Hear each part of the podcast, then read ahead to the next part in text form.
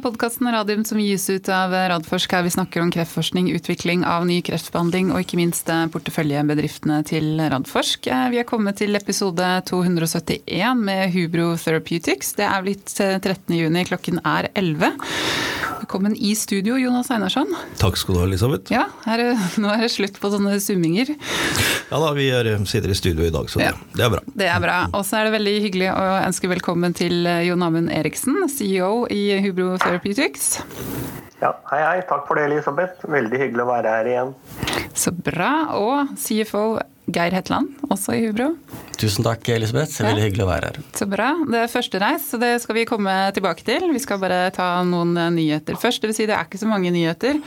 Men uh, Nordic Nanovektor, uh, de blir da Thor Medical. Får med seg Scatec-gründer Alf Bjørseth, mm. kjent industrimann. Det er vel Jeg har ikke fått satt meg så veldig nøye inn i saken, bortsett fra det jeg leste i, i Medwatch, men er det lovende? Det ser i hvert fall ut som en eh, helt grei deal. Jeg skjønner at Tore Medical gjerne ville komme seg på børs, så det er jo egentlig en revers børsnotering ja. av, eh, av, de. Eh, som jo da kanskje også kan få inntekter om ikke så mange år, sånn at det fremførbare underskuddet faktisk får en verdi. Så det ligger jo noe fornuftig i det. og Alf Bjørseth er jo en svært flink mann som har gjort veldig mye spennende tidligere.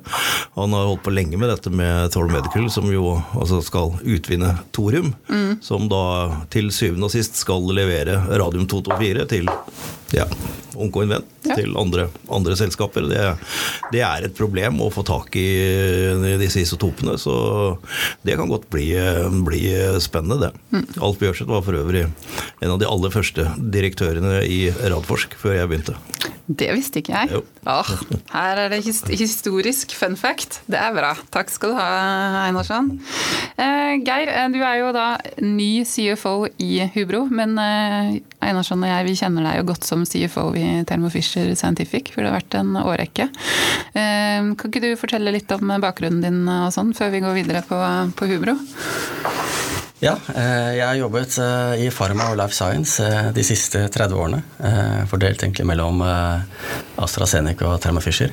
Så jeg har jobbet i finans, forskjellige finansstillinger i ulike regioner, bl.a. i Europa og USA. Mm -hmm. Og her i Thermo Fisher, så, eller i Thermo Fisher så jobbet jeg i forretningsområdet som stammer fra Dynal Biotech, som da selger Dynabeats globalt. Mm. Og det er et forretningsområde som har alle sine funksjoner her i Norge, med bl.a. Eh, fabrikk på Lillestrøm og eh, R&D og eh, business her i Oslo Cancer Cluster. Altså et, du kommer jo fra et, et, av de største globale selskapene innenfor Pharma til en liten biotek-migg. Hvordan er det hoppet, og hva fikk deg til å Hva var det som trigga deg med Hubro? Altså det, det, som jeg føler gjør Hubro veldig interessant, da, eh, for å svare på det spørsmålet, det er eh, selvfølgelig, selvfølgelig selskapets teknologi eh, og mulighet for å kunne bli en suksess og dermed hjelpe kreftpasienter. Mm. Eh, samtidig så minner Hubro veldig eh, på de årene vi jobbet eh, i Thermo Fisher med å kommersialisere Dynabeats CD3, CD28 sammen med Indicar Tech-teknologien sammen med UPenn. Mm. Jeg syns det var veldig morsomt og interessant. og jeg føler at eh, det er litt av drivkraften for meg. Da. Det å kunne bygge, bygge, opp et selskap eh, til å bli bærekraftig og stå på egne ben. Mm. Så bra. Det er jo en, ja, Den historien der med, med UPenn og Carl June og det samarbeidet dere hadde der i Termo Fisher er jo kjempe, kjempespennende. Så det er ja, morsomt å se at du ser de samme triggerne i Hubro. Ja. ja mm, gøy. Eh, Jon Amund, det er en stund siden du har vært med oss eh, i podkasten. Jeg tror sist gang eh, vi hadde noen fra Hubro, så var det faktisk eh, Øyvind Kongstuen Arnesen, styreleder. Han var vel med i november, så vidt jeg husker. Og det har skjedd utrolig mye hos dere. Jeg var kikka innom nettsiden, og det var det var mange nye hoder, og det betyr jo at dere, dere, gjør mye når dere ansetter så bredt. Kan ikke du ta en oppsummering av det som har skjedd siden sist? Jo, det kan jeg gjøre, men aller først vil jeg bare ta opp tråden fra Jonas og Alf Bjørseth. Før Alf var direktøren i Radforsk, så var han også forskningsdirektør på forskningssenteret til Norsk Hydro i Porsgrunn. Så Alf Bjørseth var altså en viktig mann da vi startet opp kreftvaksineprosjektene i helt på slutten av 1980-tallet, faktisk. Mm. Yes. Så Alf Bjørseth har en lang og fin historie i, i, i vår bransje også. Ja, nei, vi har Kort fortalt så har, har Hubro beveget seg framover ifølge planen. Vi har, som du sier, Elisabeth, ansatt en del nye personer. Og det er jo rett og slett for å kunne gjøre det vi skal gjøre og si vi skal gjøre. Og det har hatt god effekt. Vi har eh, flyttet alle eh, prosjektene våre fremover ifølge planen. Vi har produsert peptider, og, og spesielt for FMPV1 selvfølgelig er vi nå helt klare til å, å kjøre fase to-studier med riktig kvalitet på vaksinene. Eh, og vi har FMPV2 og profylaktisk vaksine FMPV3 har vi produsert peptidene. Så vi er egentlig nå klare til å, starte formulering og produsere selve vaksinene som vi da i, i første rekke for de to vaksinene vil igjen bli en studie i friske frivillige. For å kort og godt kartlegge immunrespons, eller de immunologiske effektene til vaksinen.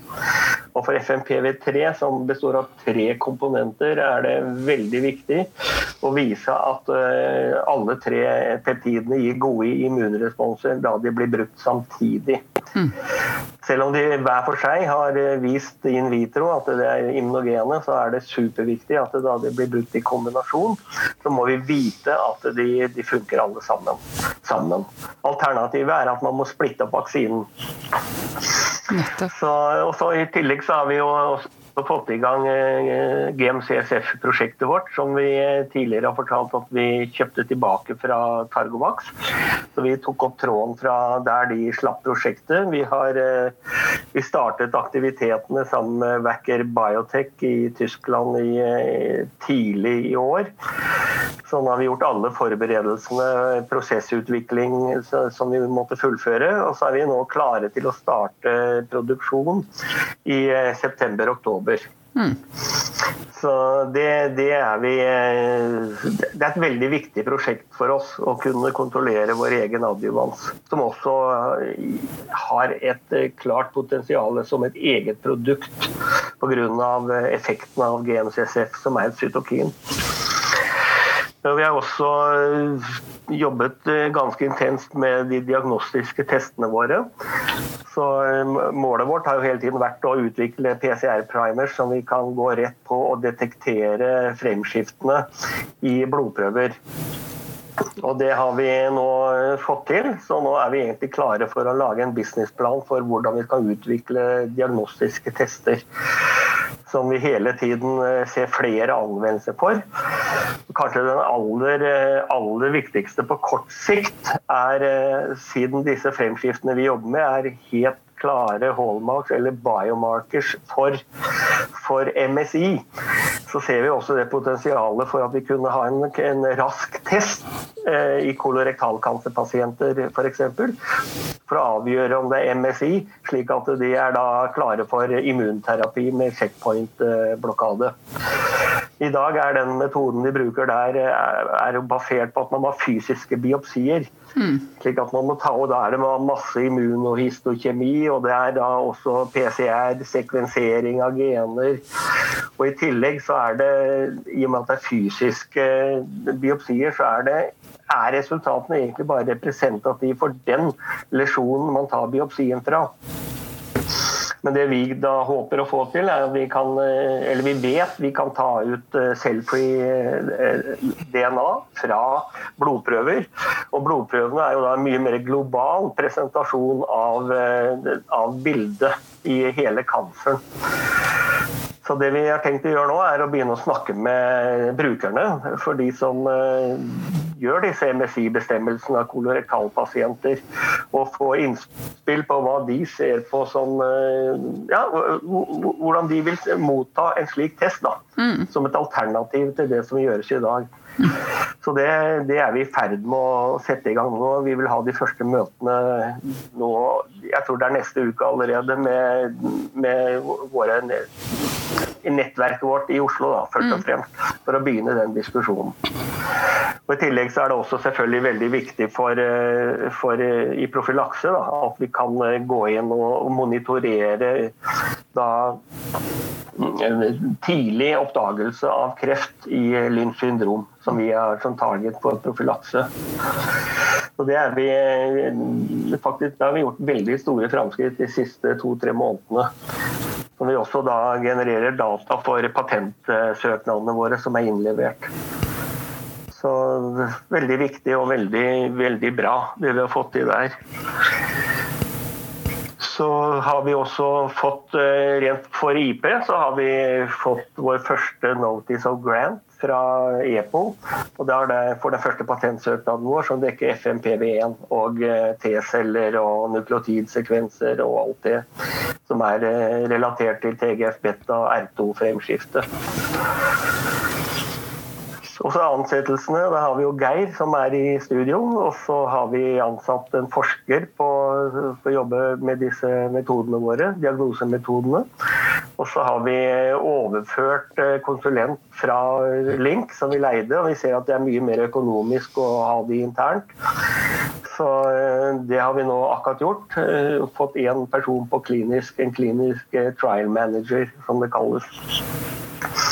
Så Det betyr at vi får uh, samme pris som vi har uh, kjøpt 20% jobb, så får vi nå 100% Så det, er strategien vår egentlig også å fylle opp da vi ser vi uh, har en økonomisk gevinst ved å ansette direkte, fra da også flytte konsulentarbeidet inn i selskapet. Så det tror jeg var eh, det meste og det viktigste. Så hvis det er noen spørsmål, eh, Elisabeth eller Jonas, så tar vi gjerne det.